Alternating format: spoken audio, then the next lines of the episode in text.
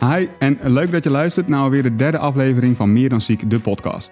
Mijn naam is Johan Hokkelman en in deze serie spreek ik met mensen die kampen met een ernstige aandoening of levensveranderende ziekte. Vandaag gaan we het onder andere hebben over niertransplantaties en hoe deze ingrijpende operaties je leven kunnen beheersen en hoe je juist alles uit het leven kunt halen. En daarvoor heb ik niet zomaar iemand, maar ik heb een zogenoemde bikkel die al drie niertransplantaties heeft gehad. John Weijers, welkom. Hallo. Voordat we helemaal van wal gaan steken, wil ik eerst iedereen bedanken voor de leuke en lieve reacties op de eerste twee afleveringen. Die gingen over MS en over eh, slechtziendheid. Maar ehm, er klonk ook kritiek. Nee, en terecht, want eh, mensen eh, misten een beetje structuur in de afleveringen. Nou, en dat is voorbij, want vandaag, vanaf vandaag zit er structuur in. De afleveringen zullen namelijk worden onderverdeeld in categorieën. En die categorieën die zijn sport, liefde, vraag van de luisteraar, werk, dagelijks leven en jeugd. Nou, welke onderwerpen we behandelen eh, en in welke volgorde, dat eh, bepaalt het lot. Of nou ja, het lot. Daar heb ik een app voor en die ehm, pakken we erbij. En, eh, die kiest een, een categorie voor mij. En daar gaan we het dan over hebben.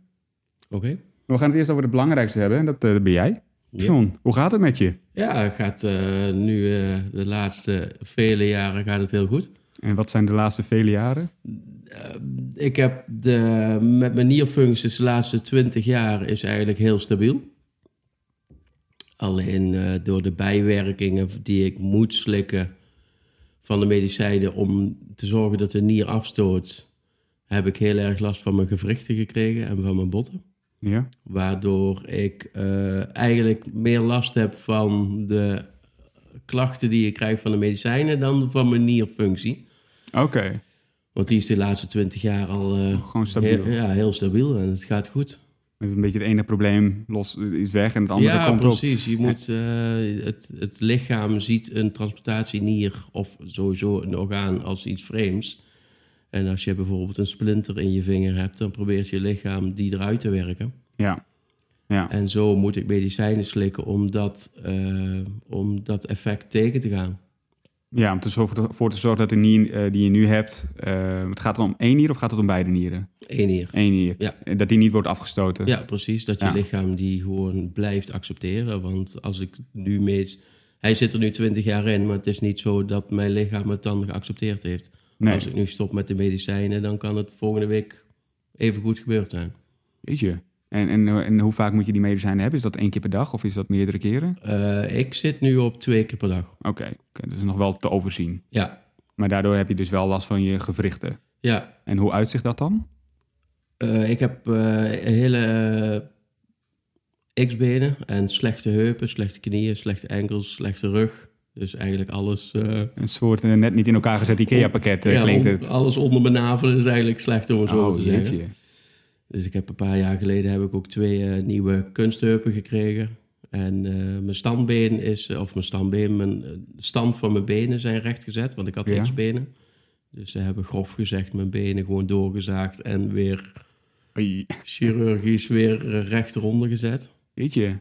Waardoor de belasting op mijn knieën nu wel veel minder is. Dus de- Je, het- het- het- je merkt wel verschil. Je, het Ja. is wel fijner voor je. ja, klopt. En hoe ziet dat dan eh, eh, bijvoorbeeld over twee, drie jaar eruit? Merk je dat dat nog slechter gaat worden? Of, of...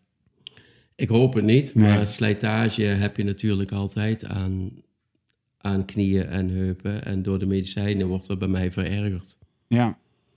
Want ehm, we zijn al heel ver in één keer. Ehm, laten we beginnen. Je bent een nierpatiënt. Ja. Dat ben je al je hele leven. Ja, er is eh, bij mij tijdens in de baarmoeder. Daar hoort na zoveel weken zwangerschap hoort, er, hoort het kindje te gaan plassen. Mhm. Dat betekent dat er in de urineleider, daar, moeten, er zitten klepjes, die moeten na zoveel tijd moeten die vanzelf oplossen. Waardoor het kindje gaat plassen en vruchtwater krijgt. Ja. Bij mij zijn die klepjes zijn niet weggegaan. Waardoor ik mijn urine in mijn blaas heb opgespaard. Dat is in de tijd zoveel geworden dat het teruggestuurd is naar mijn nieren. Oh, En daarom zijn eigenlijk mijn nieren nou in de baarmoeder al opgeblazen. ja. En eh, als kind, eh, is dat meteen hoe zeg je dat bij de geboorte al duidelijk dat dat dan iets mis is? Of, of gaat daar een lange tijd overheen? Nee, dat was meteen toen ik eh, op, op de wereld kwam, was dat meteen duidelijk. Mijn Ja. buikje was heel dik door al die urine ja. die erin zat. En omdat ik geen vruchtwater had, zat ik dus als het ware mijn benen helemaal... Door het vruchtwater kan een kindje vrij bewegen. Alleen Ja. omdat ik dus geen vruchtwater had, zat ik helemaal aan elkaar geplakt. Oh ja. Dus ik had klompvoetjes en mijn benen zaten helemaal naar in elkaar verstrengeld. Ja. Mijn rug die was eh, op twee plaatsen vergroeid. Omdat ik dus helemaal geen... eh, Omdat je dus in die houding zo lang hebt. ja, eh, precies. Je zit ja. eigenlijk En dat groeit aan natuurlijk, ja. elkaar geplakt. Ja, ja, en dan groeit je lichaam. Die is natuurlijk dan juist in de groei Ja, die kant op. Zou dat ook nog te maken met de, de klachten die je nu hebt? Heeft dat dan misschien nog weer met elkaar te maken? Dat je dan misschien... ja het is Ja. natuurlijk al vanaf de geboorte is het helemaal scheef geweest. Ja. Ze hebben de eerste weken van mijn eh, leven, of eerste maanden, hebben ze met gips hebben ze de stand van mijn voeten wel een beetje onder dwang wel eh, recht kunnen zetten. Ja. Zodat ik wel kon lopen. Maar dat is natuurlijk niet. eh, Het is, ja, je helpt de natuur dan een handje, om het zo maar te zeggen. Ja. Het is niet hoe het had moeten zijn. nee, dus het is allemaal schots en scheven, om het zo maar te zeggen. Ja. Maar dat betekent dus wel dat je als kind zijnde heel veel in het ziekenhuis bent geweest. Ja, dat klopt. Maar dan kan ik me gelukkig, eh, of ik dat misschien verdrongen heb, of ik weet, dat weet ik eigenlijk helemaal niks meer van. Nee. Ik weet wel aan de verhalen en dat soort dingen dat ik gewoon de basisschoolperiode gewoon ehm, heb doorlopen. Maar de, de, de ziekenhuisbezoekjes, daar, daar heb je zelf helemaal geen, eh, geen herinneringen aan. Nee, ik heb ook heel veel in het begin moeten dialyseren. Dan Hmm. moet je gewoon drie keer per week, word je met een taxietje word je opgehaald naar het ziekenhuis. En dan moet je een paar uur lang, wordt door een machine, wordt je bloed gezuiverd. Eigenlijk neemt de machine neemt de functie van je nieren over. Ja, en dat heb je alleen als kind moeten doen. Ja, want ik heb eh, vanaf mijn vierde heb ik, eh, heb ik eigenlijk transplantatie nieren gehad, om het zo maar te zeggen. Dat is dan best wel, tenminste, ik vind dat best wel jong. Ik vind het fijn ook dat dat al op zo'n jonge leeftijd kan. Maar dat, Ja, eh, want het is natuurlijk best wel een heftige ingreep. ja maar ik denk als je als ouder die keuze moet maken, dat je dan geen Nee. seconde na hoeft te denken. Nee, dat snap ik. Ik bedoel ook dat, eh, zeker, dat, ja, als dat kan. Ja, Ik bedoel, een nier is ook niet wat aan de, aan de bomen groeit. Dus als je Nee. die, dan ga je daarvoor, natuurlijk. Maar ik bedoel meer, ehm, ik kan me heel goed voorstellen dat het de, de operatie op jou als persoon best wel ingrijpend is. En dat zou je misschien als kind niet heel veel hebben meegemaakt, maar je hebt er inmiddels drie gehad. ja. En dus eh, de voorbereiding, mentaal lijkt me dat best wel zwaar, wat als die weer afstoot. Ehm, want kun je ons meenemen naar de keer dat, eh, eh, de, de tweede keer bijvoorbeeld, hoe oud was je toen? ja, toen was ik ook vier. In één jaar tijd twee... Ja, want ik heb de eerste nier heb ik maar vier dagen gehad. Omdat er kwam gewoon domme pech, kwam er een bloedpropje van de operatie, die kwam voor de ingang van het orgaan te zitten. Jeetje. En daardoor krijgt het orgaan geen bloed, geen Nee. zuurstof en dan sterft hij dus gewoon weer af. Jeetje. En toen hebben we dat weer met, eh, weer met buikspoeling, dat is een andere soort van dialyse, Ja. hebben we dat weer op kunnen vangen. En toen, volgens mij toen ik ja, eind vier of begin vijf, ik weet dat, dat zeg ik, dat weet ik allemaal niet precies Nee, meer, die nee. jaartallen, heb ik eh, de tweede nier gekregen. En die, eh, ja, dat is toen eigenlijk goed gegaan. En hoe lang heb je die gehad? Die heb ik acht jaar gehad. En in die acht jaar heb je gewoon alles kunnen doen wat je wou. Ja. Als in, heb je verder geen klachten over last van. Of... Nee, je moet natuurlijk eh, je eigen, de normale nieren, die zitten aan de achterkant Mhm. onder je ribben, Ja. beschermd. Alleen daar kunnen de chirurgen dus nooit bij. Nee. Dus daarom wordt een transplantatienier wordt eigenlijk eh, voor onder in de bekken gelegd. Oké, dus, en dan je, je, je oude nier, je eigen nieren, Laat ze gewoon zitten. die laten ze gewoon zitten. Oké, Ja, ik dacht namelijk echt dat die echt er- eruit werden gehaald en werden vervangen door een transplantatienier in dit geval dan. Maar die Nee. zitten dus ook nog steeds. Heb je bij andere orgaantransplantaties, Ja. bij een hart, longen en lever. Daar worden ze echt wel Echt omgewisseld. Ja. Alleen hier zitten ze zo ver eh, onder de ribben. Hart en longen ook, maar die moeten op dezelfde plaats terugkomen. Maar een nier moet gewoon op een slagader aangesloten Ja. worden. Nou ja, en de grootste slagader die ze dan kunnen vinden is de slagader naar de benen toe. Ja. Dus die, die plaatsen ze dan, sluiten ze dan op die, eh, die slagaders aan. Ja. Weet je. het nooit geweten. Ik dacht inderdaad echt eh, de ene eruit, de andere erin. Nee. Ehm, nou, die tweede heb je dus acht jaar gehad. Maar eh, ehm, op een gegeven moment is hij afgestoten. Ja, wij zagen gewoon, eh, je moet dan ieder, eh, ieder ligt eraan hoe ver je in het traject bent. Ik, moet, ik hoef nu op dit moment, omdat het zo stabiel is, één keer in het half jaar terug naar het ziekenhuis om te controleren. Maar in het begin, dan moet je bijvoorbeeld iedere vier weken terug. Echt gewoon streng in de gaten houden of Ja. het goed gaat. Omdat je, je voelt niet als een nier afstoot. Kijk, bij een Nee? hart, als die stopt, dan Dat, dat, Dat- dat- dat die merk je. gevolgen merk je. Ja, dat, dat merk je meteen. Alleen bij een nierfunctie, dat, dat merk je niet dat die acuut af gaat stoten. Tuurlijk, je wordt op een duur word je niet lekker en niet fit. En, Mm. Maar nou, dat, dat- eh, op het moment dat jij dat had, dat waren, nou ja, je, je hebt natuurlijk ook niet actief heel veel herinneringen aan de eerste keer. Dus je zult misschien die signalen niet hebben gemerkt. nee, maar we- omdat ik toen nog redelijk vaak naar het ziekenhuis moet, zagen we gewoon in de laatste paar maanden of jaren de uitslagen gewoon steeds minder worden, Ja. minder worden. En dat was een beetje rond eh, 2000. Toen was een beetje de familietransplantatie en de levende orgaantransplantatie. Dat kwam toen net een beetje Ja, op gang. ja. Dus toen hebben we ook, eh, mijn vader en moeder, die, hebben, die zijn het traject ingegaan. Omdat je het aan ziet komen, Mhm. kun je er al op inspelen. Ja, En zodoende zijn mijn vader en moeder het traject ingegaan om te kijken of een van hun geschikt was om, eh, om een nier af te geven. ja, en hoe ziet zo'n traject er dan uit? Moet je dan allemaal testen doen? Ja, ik moet gewoon bloed prikken om te kijken wat mijn bloedgroep is en wat voor antistoffen ik eventueel heb. Mhm. Nou ja, mijn vader en moeder die moeten dus ook de juiste bloedgroep hebben en het orgaan moet de juiste... Nou, het moet gewoon een match zijn. Waar ze Ja. precies allemaal naar kijken, weet ik niet. Nee. Maar ja, de familie is natuurlijk Ja, precies. Moet zo dicht, meestal een match. ja, zo dicht mogelijk bij de, bij de bron. En dat ben Ja. jij dan in dat geval. En toen eh, is uiteindelijk je vader is daar dus geschikt voor gebleken. Ze waren eh, allebei geschikt. Oké. Alleen gewoon uit praktische overwegingen hebben mijn vader en moeder toen besloten, omdat ik nog een broertje en een zusje had, Ja. is het makkelijker dat de vader een tijdje uit het huishouden Ja, ja. stapt is een groot woord, maar die kan gemist worden, ja, precies. Ja. eventjes.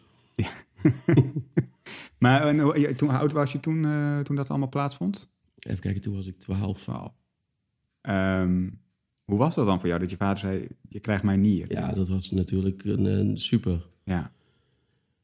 Je weet ook niet, je weet ook niet, je komt dan op een wachtlijst staan. Ik weet niet hoe lang het nog heeft kunnen duren voordat het uiteindelijk zover was dat ik een nieuwe nier zou moeten hebben. Mhm. Maar mijn vader en moeder hebben gezegd van de dialyse en de buikspoeling en dat willen we gewoon niet meer. Nee. Dus we willen gewoon voordat het echt nodig is, willen we gewoon dat er een nieuwe, nieuw orgaan is. Ja. Alleen het nadeel is, je komt niet op een transplantatielijst als je, je huidige nier het nog doet.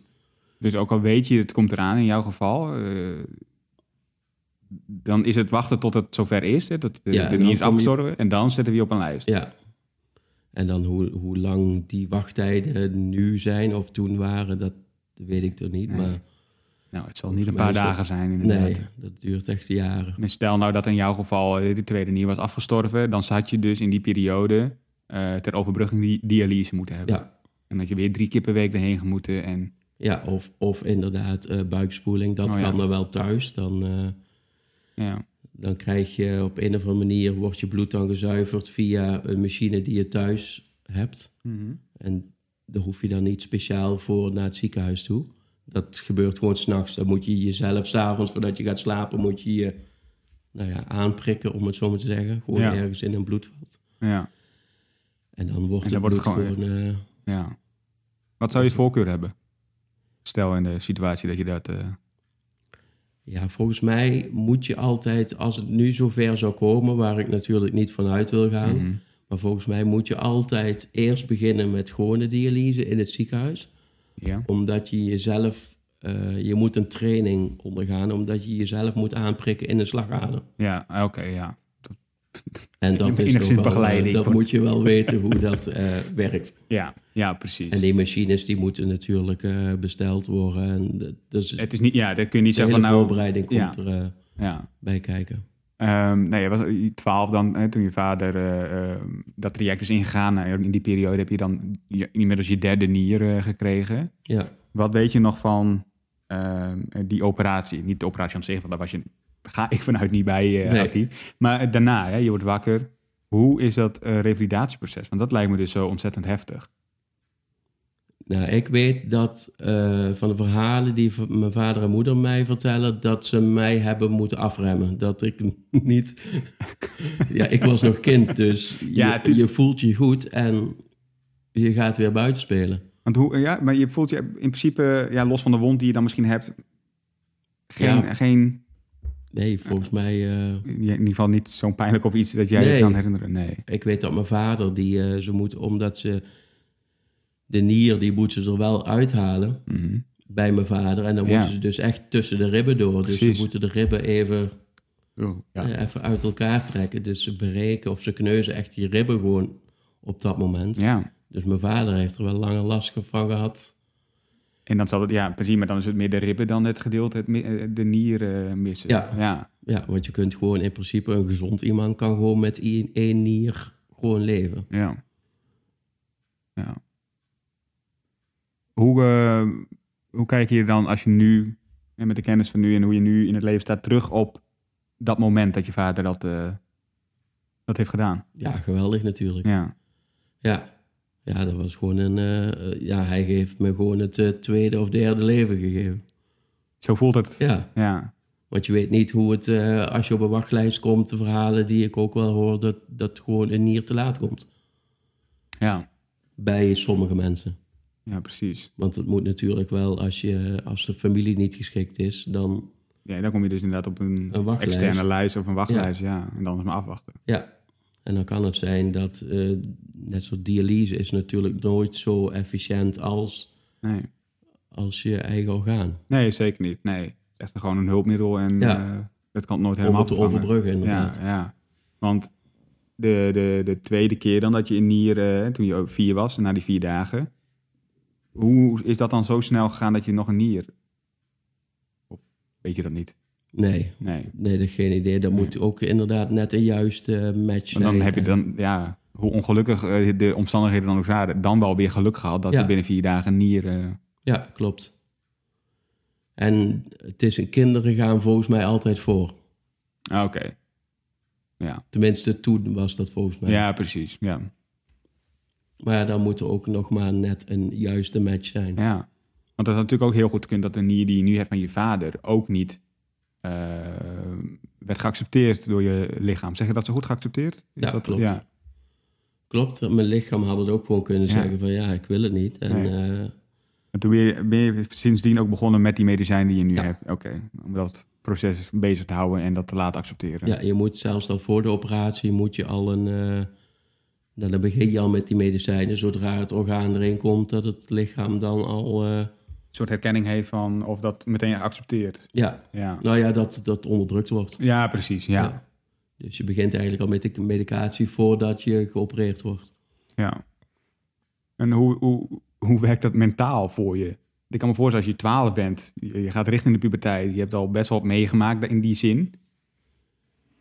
Ja, ik, ik heb me volgens mij er nooit eh, echt heel erg druk om gemaakt. Ik heb gewoon, op, dat zeggen, op de basisschool lekker meegedaan met, eh, met de kinderen. En gewoon de middelbare school doorgelopen en nooit echt moeilijk over gedaan. Nee. Gewoon mee proberen te doen met de dingen die je kon en eh, niet echt bij stilstaan. Nee, want zijn er dingen die je dan niet kan omdat je nu een, ja, eh, een nierpatiënt bent? Als je Nee. kijkt naar jeugd, nee. Nee, dat is niks. eh, tuurlijk, je moet. Ik zat toen op voetbal, maar je moet uitkijken dat je natuurlijk geen bal in je buik krijgt. Nee. Of geen trap in je. Kijk, judo en karate en dat soort dingen, dat moet je niet doen. Nee, dan, dan zoek je het een beetje op. Als Ja. je, ja. Maar als je gewoon voorzichtig doet en. ja, maar ik kan me inderdaad voorstellen dat als je 12 bent, dat je eh, de grens van voorzichtigheid elke keer een beetje gaat opschuiven. Ja. Maar dan ben je denk ik wel bewust, ik moet dus... Ja, en, en de kinderen in de omgeving die weten ook wel, omdat we er nooit, we hebben het nooit onder stoelen of banken geschoven dat ik nierpatiënt ben. Dus iedereen Nee. in de klas en op de basisschool die wist ook gewoon, ze moesten voorzichtig met mij doen, Ja. om het zo maar te zeggen. Dat lijkt me de enige juiste manier om daarmee om te gaan. Ja, Waarom zou je het eh, eh, verbergen of waarom zou je het stilhouden? ja dat, kunt er toch niks aan doen. Nee, je en kunt er beter gewoon openlijk over zijn en Ja. dan weet iedereen waar die eraan toe is. Ja. Ehm, er is dus wel een kans dat je weer ooit misschien een transplantatie... Ja, Want is er een kans dat de nier alsnog, ondanks je medicijnen zegt, eh, of je lichaam, ik ben er klaar mee, ik, eh, dit was hem? Ja, toen ik in 2000 eh, getransporteerd ben, toen zeiden de artsen een gemiddelde transportatienier gaat 12,5 jaar mee. Die, eh, dat Dus- jubileum heb je maar gehaald. Ja, ja, dat sowieso. Maar ja, het eerste jaar is het kritischste. Dus heel veel organen die sneuvelen in het eerste jaar. Nou, daar, daar wordt natuurlijk het gemiddelde wordt Hm. heel erg naar beneden getrokken. Kijk, Ja. ik heb mijn eerste nier vier dagen gehad. Ja, En precies. nu heb ik hem meer dan 20 jaar. ja. Dus dan zit het inderdaad gemiddeld zit het... Zit, je, ja, zit je daar? Ja. ja. Maar ben je, ba- ben je daar bang voor? Nee, ik sta er niet bij stil. Nee. Want als je elke keer moet nadenken van wat zou er morgen gebeuren, dan, nee, dan kun je geen plannen maken, dan, dan kun je niks. Nee. Dan staat je leven eh, stil. Ja, je moet gewoon eh nou, leef de dag en eh, wat morgen gebeurt, dat is morgen. Ja, precies. En welke dag was het dat je en dan de nier van je vader kreeg? Weet je, ja, de datum zul je vast. Ja, dat was 11 september. 11 september. Ja. Ik wou bijna zeggen, heb je dan het eerste jaar heb je dat feestelijk gevierd, maar dat... eh, maar is, is dat wel een speciale dag voor jou en je vader? Of is dat nu Ja, inmiddels het, een het is, dag? het is gewoon eh, een soort verjaardag. En zoeken jullie elkaar dan ook op? Ja, Ja? ja, proberen we wel ieder jaar eh, wat speciaals te doen. Of eh, Dus echt met jullie tweeën en dan... Of met het hele familie? Of, ja, ja. Gewoon uit eten of elkaar opzoeken en taartje halen. Of- Ja, nou ja, we, Gewoon er wel bij stilstaan Ja, precies. dat... ja. Zullen we dan eerst de categorie doen? Want dan... eh, Ja. eh, nou ja, ik zet we leggen hem hier neer. Ehm, en dan gaan we eens even kijken wat de eerste categorie... Dat is werk. Ehm, werk je momenteel? Ja. Ja, wat, wil je vertellen wat voor werk je doet? ja, tuurlijk. Ik eh, werk in een fabriek of een werkplaats waar ze kunststof kozijnen maken. Dus een kunststof kozijnenfabriek. Ja. Ehm, maar merk je, eh, want je hebt nu dus eh, nierpatiënt, maar je hebt ook je gewrichten, nou, nou, wat ik je net al vertelde. Be- houdt het je tegen in je werk? Ja, ik merk wel dat ik gewoon lichtere werkzaamheden moet doen als de collega's om me heen. Het is nou, vrij zwaar werk. Het, het is veel lopen en staan en tillen valt mee, maar het is fysiek eh, vrij zwaar. Ja. Maar gelukkig heb ik een goede werkgever die, die mij wel de kans biedt om de lichtere werkzaamheden in de fabriek te doen. Want ik, ehm, was het dan lastig om werk te vinden ehm, en ondertussen de, de ongemakken te hebben die je hebt? Nee, ik heb met werk zoeken heb ik altijd eh, nooit eerst mijn achtergrond verteld. Ik heb de mensen waar ik op sollicitatiegesprek ging, heb ik eerst maar eens laten kijken van wat mijn diploma's zijn en Ja. wat ze van me vonden. Ja, En precies. eventueel in het tweede gesprek dan komt de achtergrond wel naar voren. Ja, tijdens het eerste gesprek, ik weet, ehm, kwam wel naar voren dat je de- x-benen die je toen had, zou misschien wel Ja. meer naar voren komen. Eh, Ja. dat, eh, dat zagen ze dan eh, wel. Maar dan, dan je ging het de, pas in het tweede gesprek vertelde je, dit ben ik en dit heb ik Ja, meegemaakt. en, gewoon om eerst maar eens Ja. de kans te geven om te, te laten zien wat ik kan en Precies. niet wie ik ben. ja, zoals het ook hoort natuurlijk. Gewoon je kwaliteiten waarvoor je hebt geleerd, eh, Ja, en dat, ik heb dat uit te uiten, ja. Ja, en ik heb eigenlijk nooit echt gemerkt dat... ehm, ik heb niet heel veel afwijzingen... ge- Nou ja, heel veel. Amper afwijzingen gekregen omdat ik eh, Ja, fysiek eh, niet sterk genoeg Nee, was. nee. De wilskracht zeggen ze altijd, dat is eh, belangrijker. Ja, om te werken. Ja. En er is altijd werk. Ja. En, en als je ook niet eh, eh, te beroerd bent op te werken, dan Nee. komt dat ook altijd wel. Nee, ik ben zelf opgeleid als eh, meubelmaker en interieurbouwer. Ja. dat kun je zien. Dus dat is... ehm, ik werk graag met mijn handen. Ik ben lekker bezig altijd. En Ja. ik ben niet iemand die, die stil moet zitten. Want zijn de gewrichten, is dat nu ook dan in je handen doorge... Nee, het is echt puur... ah, vanaf de, oh ja, vanaf de onderkant zei je, Ja. ja. Zullen we nog een categorie doen? Ja? Ja? Ja, je kan ook nee zeggen. Dan wordt het eh, een hele korte aflevering. Ehm, even kijken. De vraag van de luisteraar. Ik heb gevraagd op Instagram ehm, wat, over wat er eh, eh, over mensen zijn die vragen voor jou hebben. Nou, die zijn er binnengekomen. Een van die vragen was... Wat vind je ervan dat mensen geen donor willen worden? Het is natuurlijk hun eigen keuze. En ik denk, mensen zijn... Die weten niet wat er mee gaat gebeuren. Als je, als je komt te overlijden, wat er met de organen gebeurt... en hoe je eventueel eh, daarna eruit ziet of zo. Het is echt niet zo dat ze de organen er al uithalen... voordat je in het ziekenhuis gestorven bent, bijvoorbeeld. Ja. Dat, dat is echt niet. Mensen zeggen, ja, dat, ze liggen dan nog aan de machine en dan worden de organen er al uitgehaald. Nee, die machine is er juist voor. Je bent al gestorven. Om het juist nog... Om het juiste organen nog te laten doorbloeden. Ja. Zodat ze zo goed mogelijk zijn. Ja. En ik denk dat mensen daar het, het bangste voor zijn van... Ja, hoe snel gaat dat? Ja. Vind je dat er dan iets meer, eh, eh, ja, meer bekendheid over mag? Want ik ben zelf ben ik, ben ik wel donor, maar het is ook omdat ik denk, ja, joh, als ik niet meer ben, neem het. Maar wat je net zegt, er, eh, ik heb er eigenlijk ook nooit over nagedacht, ja, hoe werkt dat dan? Ja, Wanneer doen ze wat en, hoe, en waar trekken ze de lijn bijvoorbeeld? ja. Ehm, maar mis je daar misschien zelf ook eh, dat daar iets meer bekendheid over mag komen? Ja, nou, het, vorig jaar of, of is het dit jaar gebeurd dat er natuurlijk de donorwet is veranderd. Dat je juist moet aangeven als je, als je niet donor wilt zijn. Ja, En dat, daardoor krijgen we natuurlijk veel meer donoren die, die het wel zijn. Ik denk dat heel veel mensen twijfelen om ja in te vullen. Maar als er eenmaal ja staat, ja. dan ja precies. zullen ze het misschien niet zo snel weer in nee veranderen. Ja, oké, mensen vinden, denk ik hoor, dat mensen, eh, wat je net precies zegt, als ze inderdaad moeite voor hoeven doen, moeten doen, ja, dan, dan schuiven het op de lange baan. Ja, Totdat het misschien een keer te laat is. ja. Maar wat vind je van die ontwikkeling? Dat mensen, gedwongen is het dan ook weer niet, maar in principe dus donor zijn. Nou, Ik vind het een hele goede zaak. Ja, Want met nou, één persoon kun je acht andere mensen redden. ja klopt. Dat is echt bizar. Als je alles zou verdelen Ja. over... eh, je hebt natuurlijk één hart, je hebt twee longen, je hebt twee nieren, je hebt je lever. En met beenmerg en huidtransplantatie, dat zijn ook allemaal transplantaties, kun je Ja. nog veel meer mensen redden dan eigenlijk je organen. Kun jij zelf donor worden?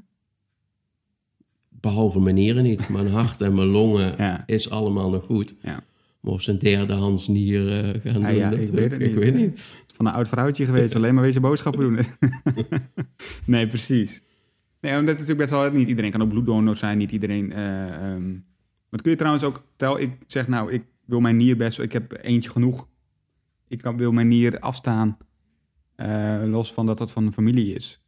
Kan dat? Ja, je hebt tegenwoordig ook eh, van die crossovers programma's, noemen Ja. ze dat. Als jij bijvoorbeeld eh, je nier, of jij zou iemand kennen die een nier nodig hebt, heeft. Mhm. En jij wilt je nier eventueel aan, aan diegene afstaan, maar de match is er niet.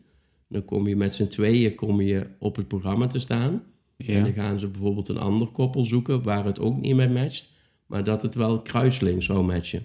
Oh, oké. Dus dan geef je eigenlijk door, ik wil mijn nier wel doneren, maar het werkt bij Pietje niet. En dan geef ik het aan eh, de eerstvolgende die het wel kan. Ja, dan, dan, dan krijgt degene die eh, voor jou een nier nodig heeft, Ja. die komt dan ook in het programma. En zo wordt het eigenlijk kruislings. Een soort uit, uit- Dus ja, echt een uitwisselingsprogramma, zeg Ja. maar. Ja. Ehm, eens even kijken. Naar de volgende. Ah, daar was hij. Liefde. Want jij eh, hier achter ons op de bank. Daar zit jouw liefde.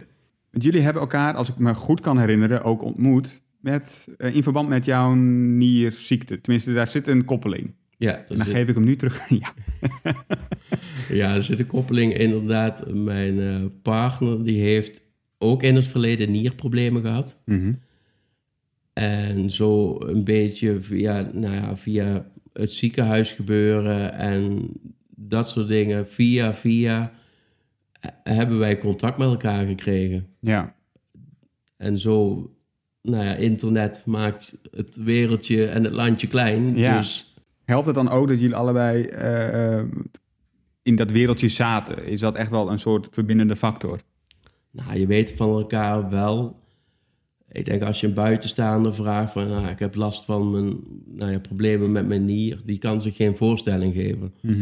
Maar wij, als, als een van ons tweeën niet goed voelt, dan weet je wel nou Ja. ja, hoe het voelt. Ja, precies. Je kunt je veel meer in Ja, elkaar verdiepen, zeg maar. ja we eh, hoeven elkaar maar aan te kijken en we weten wel dat het eventueel niet goed is. ja. En we weten van elkaar ook wel, we zijn allebei wel doorbijters. En we weten van elkaar wel, wel van, nou ja, tot nu. En ja, precies. nu gaan we toch maar eens even... Jullie kennen elkaars grenzen daarin. En, ja. Ja.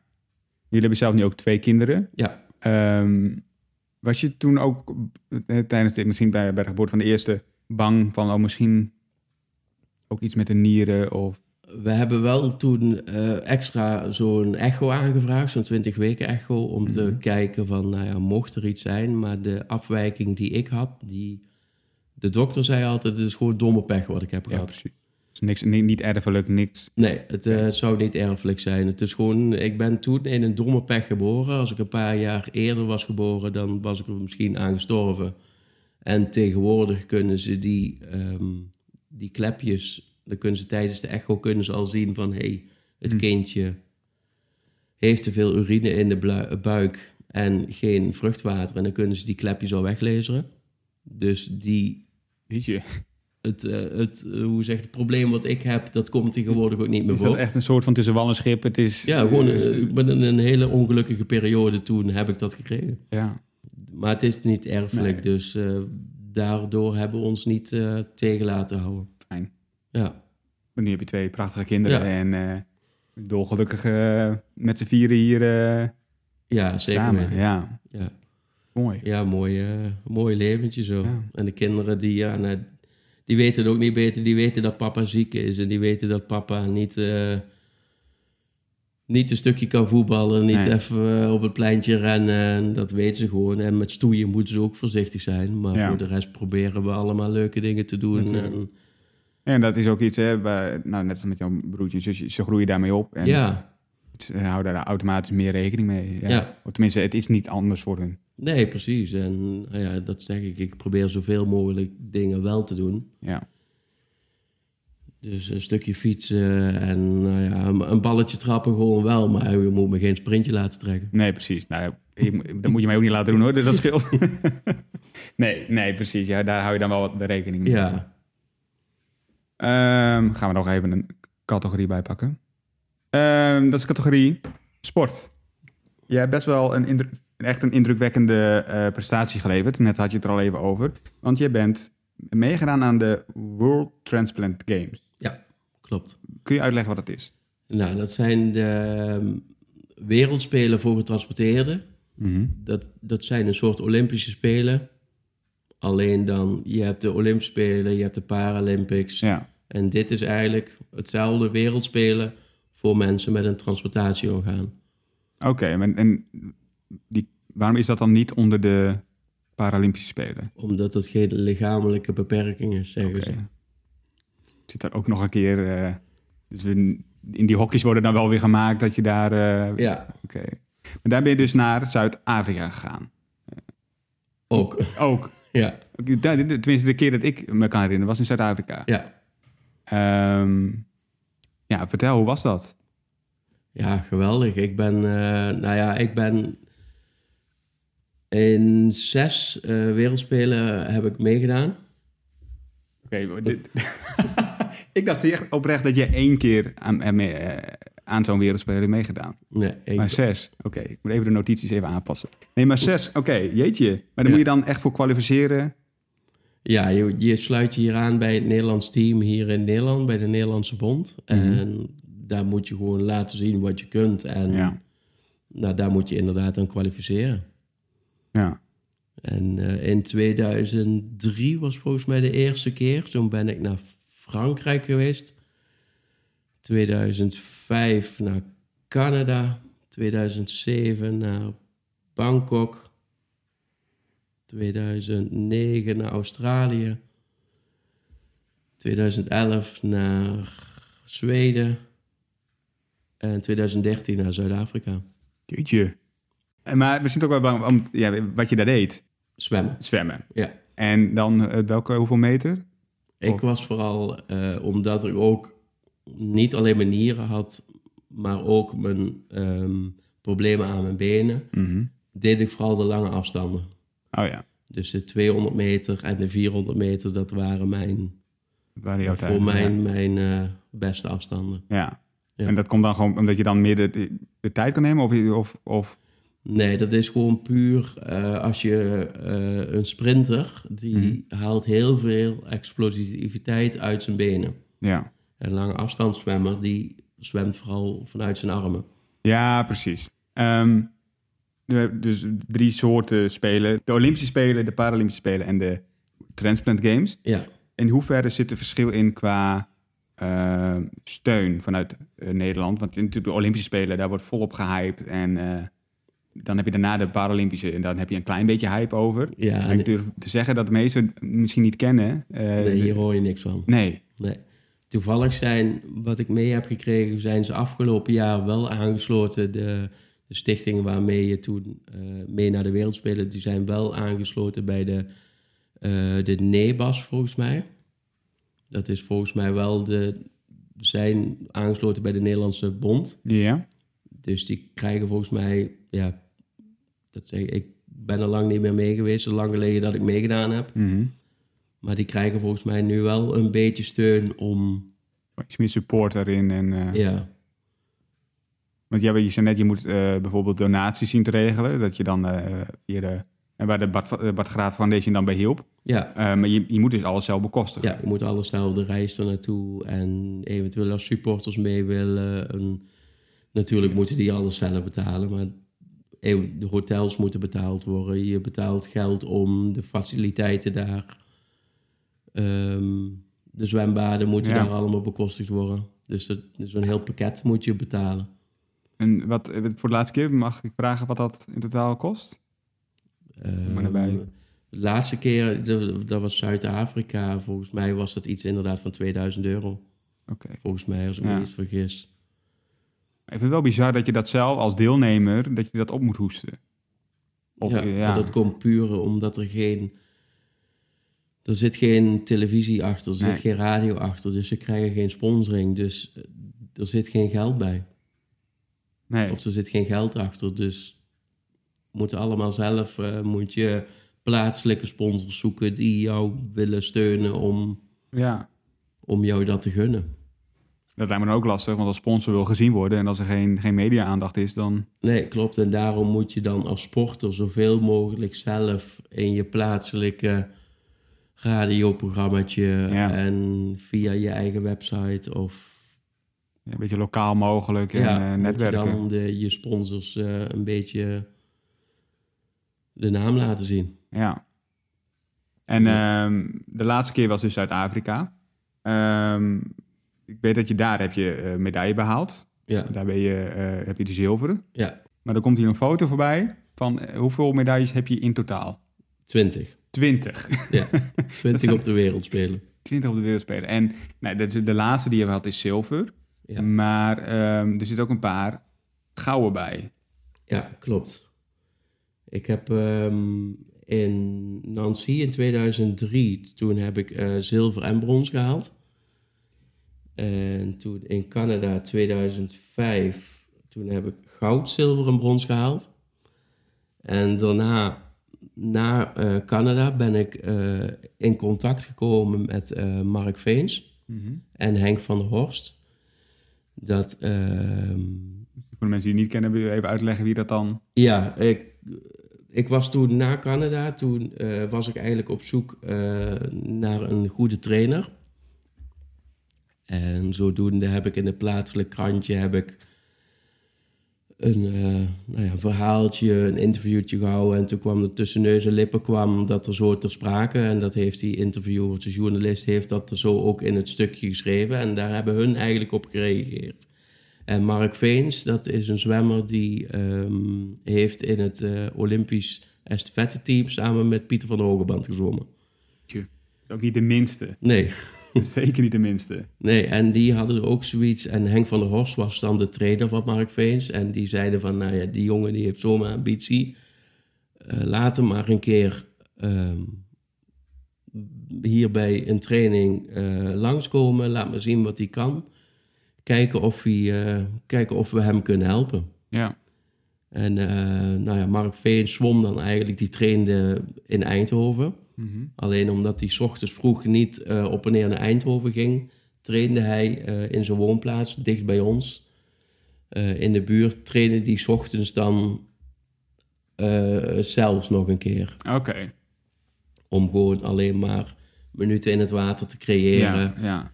Mocht, hij voor, mocht hij daar gebruik maken van het, van het zwembad. En daar ben ik toen s ochtends langs geweest. Heb ik wat laten zien. En uh, nou ja, hun vonden het een hele mooie uitdaging. Ja. En hoe lang hebben ze inmiddels uh, in totaal getraind? Hun hebben mij toen vier, vier jaar getraind. Dus ja, dus na Canada zijn ze daarmee begonnen. Twee jaar later ben ik naar Bangkok geweest. Dus ze hebben mij toen twee jaar begeleid. Mm -hmm. En in Bangkok heb ik toen vijf keer goud gehaald en één keer zilver. Vijf keer goud? Ja dat, dat moment, je haalt één keer goud, je haalt zilver, je haalt, dat is allemaal, maar als je terug, je, je hebt alles gegeven om daarheen te gaan. Ja. Je hebt, je, nou, wat we net zeiden, de moeite gedaan, je hebt de, de, de donatie, je hebt je suf getraind en dan haal je vijf gouden medailles. Ja.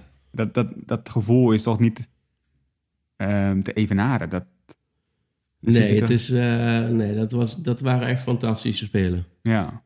Ja, ook omdat uh, drie, van die, um, drie van die gouden medailles, toen heb ik ook een wereldrecord voor die Spelen gezwommen. Tenminste, niet het wereldrecord van de Nee. Olympische Spelen, maar Nee. gewoon voor de Spelen, voor die heb ik drie wereldrecords gezwommen. En toevallig zag ik dat, eh, heb ik vorig jaar nog een keer gekeken, ik was wel nieuwsgierig en één daarvan die staat nog steeds. Kijk, Dus eh, dus die, bij deze een uitdaging. Ja. er zit ook, ehm, bijvoorbeeld in eh, Zuid-Afrika, heb je, je nogmaals zilver behaald, maar dat is niet vanzelfsprekend. En Nee. zeker niet in die spelen. Nee, klopt. Want we hebben natuurlijk allemaal een medische achtergrond. En eh, op het moment dat ik in eh, Zuid-Afrika aankwam, kreeg ik een eh, urineweginfectie.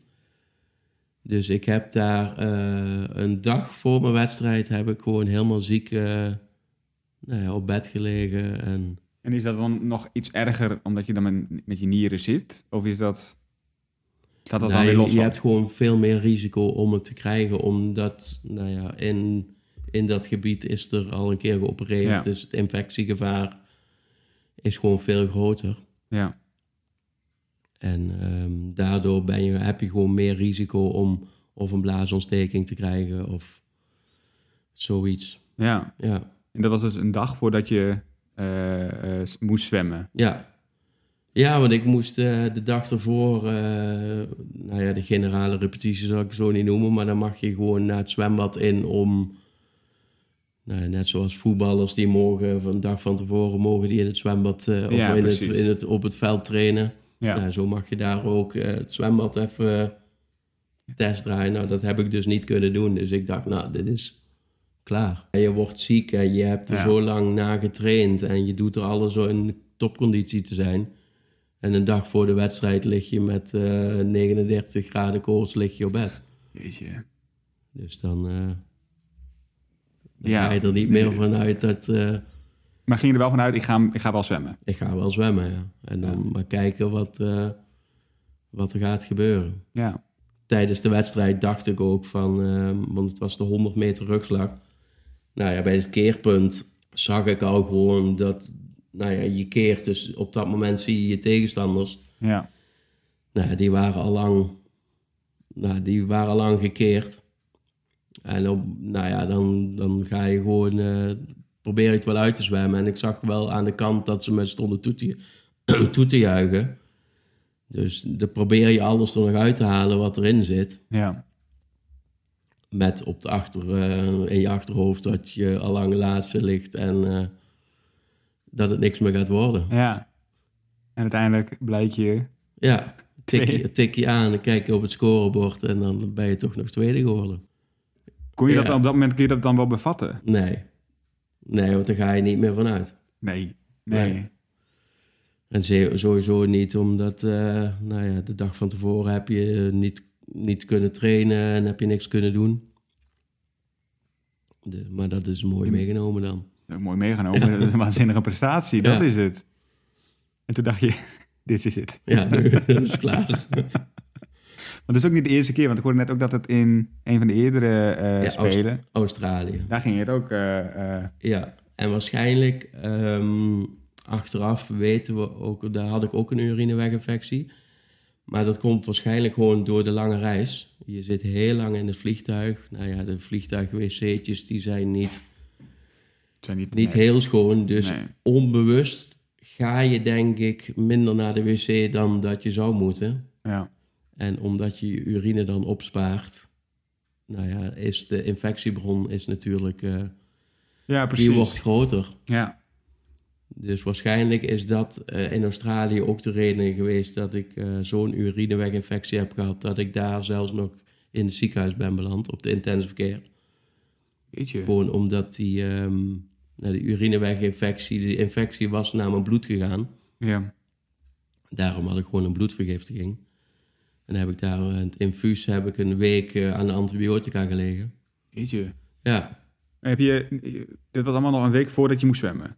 Dat was twee weken ervoor. Twee weken ervoor. Omdat het Australië was, Ja. waren we een maand van tevoren waren we al heen, eh, daarheen Ah, oké. gegaan. Omdat je voor, eh, nou ja, die spelen duren vijf dagen, maar je vliegt niet voor vijf dagen Nee, zou ik niet... naar Australië. nee, nee. dus we waren er al een maand van tevoren waren we er eh, heen gegaan. Ja. En- Jeetje, dan lig je twee weken van tevoren lig je dan op de intensive care. Ja, En, en hoe, is, ja, hoe is dat ver- verder verlopen? Op een gegeven moment... ja je, je komt na een paar dagen kom je weer uit het ziekenhuis en je merkt wel dat de antibiotica aanslaat, maar je bent wel vermoeid. Maar op dat moment, nou ja, je probeert daar wel gewoon weer een beetje te zwemmen en proberen een beetje weer in het ritme te komen. En dat, ja. ja, dat ging eh, wel goed. Want toen heb je... Wat heb je toen behaald? Ja, dan moet ik ook heel even kijken. Eh, drie keer goud en één keer brons. Maar je ligt twee weken voor de wedstrijd lig je eh, op de intensive care. Ja, Je, je, je weet niet waar je moet zoeken. Je hebt pijn, je hebt je antibiotica. Je bent helemaal eh, eh, eigenlijk met allemaal andere dingen bezig. Een soort van overleven. Vervolgens ha- hark je even deze medailles binnen. ja, maar dat komt denk ik ook omdat je lange afstanden zwemt. Kijk, als sprinters moe zijn, je moet het op 50 of 100 meter moet je het maar doen. Ja. En op lange afstanden dan gaat het meer om de techniek. En die techniek die hou je wel. Ja, nou ja, oké, dat klopt. Maar het uithoudingsvermogen Het moet je ook hebben. Uithoudingsvermogen, het is ook een mindset. Want ik kan me heel goed voorstellen dat je in een soort eh, een negatieve spiraal terechtkomt als je, je denkt, ik ga naar Australië voor, die, voor, de, voor de games. En je ligt daar op de intensive care. Dan kom je toch in een... Zou, Ja. Ja, dan kom je toch in een soort negatieve spiraal terecht. Ja, maar ik denk ook dat, dat gewoon hoe ik in elkaar zit, gewoon zoals persoon. Je moet altijd eruit halen wat erin zit. Ja. Je moet ook al gaat het slecht, je moet toch proberen te doen wat je wilde doen. ja. Dat is gelukt. Ja. dus de motivatie die is denk ik dan ook heel belangrijk Ja. om het toch te halen. Waar, eh, waar ben je bang voor? Als je kijkt naar eh, de toekomst. Ook daar denk ik niet bij na.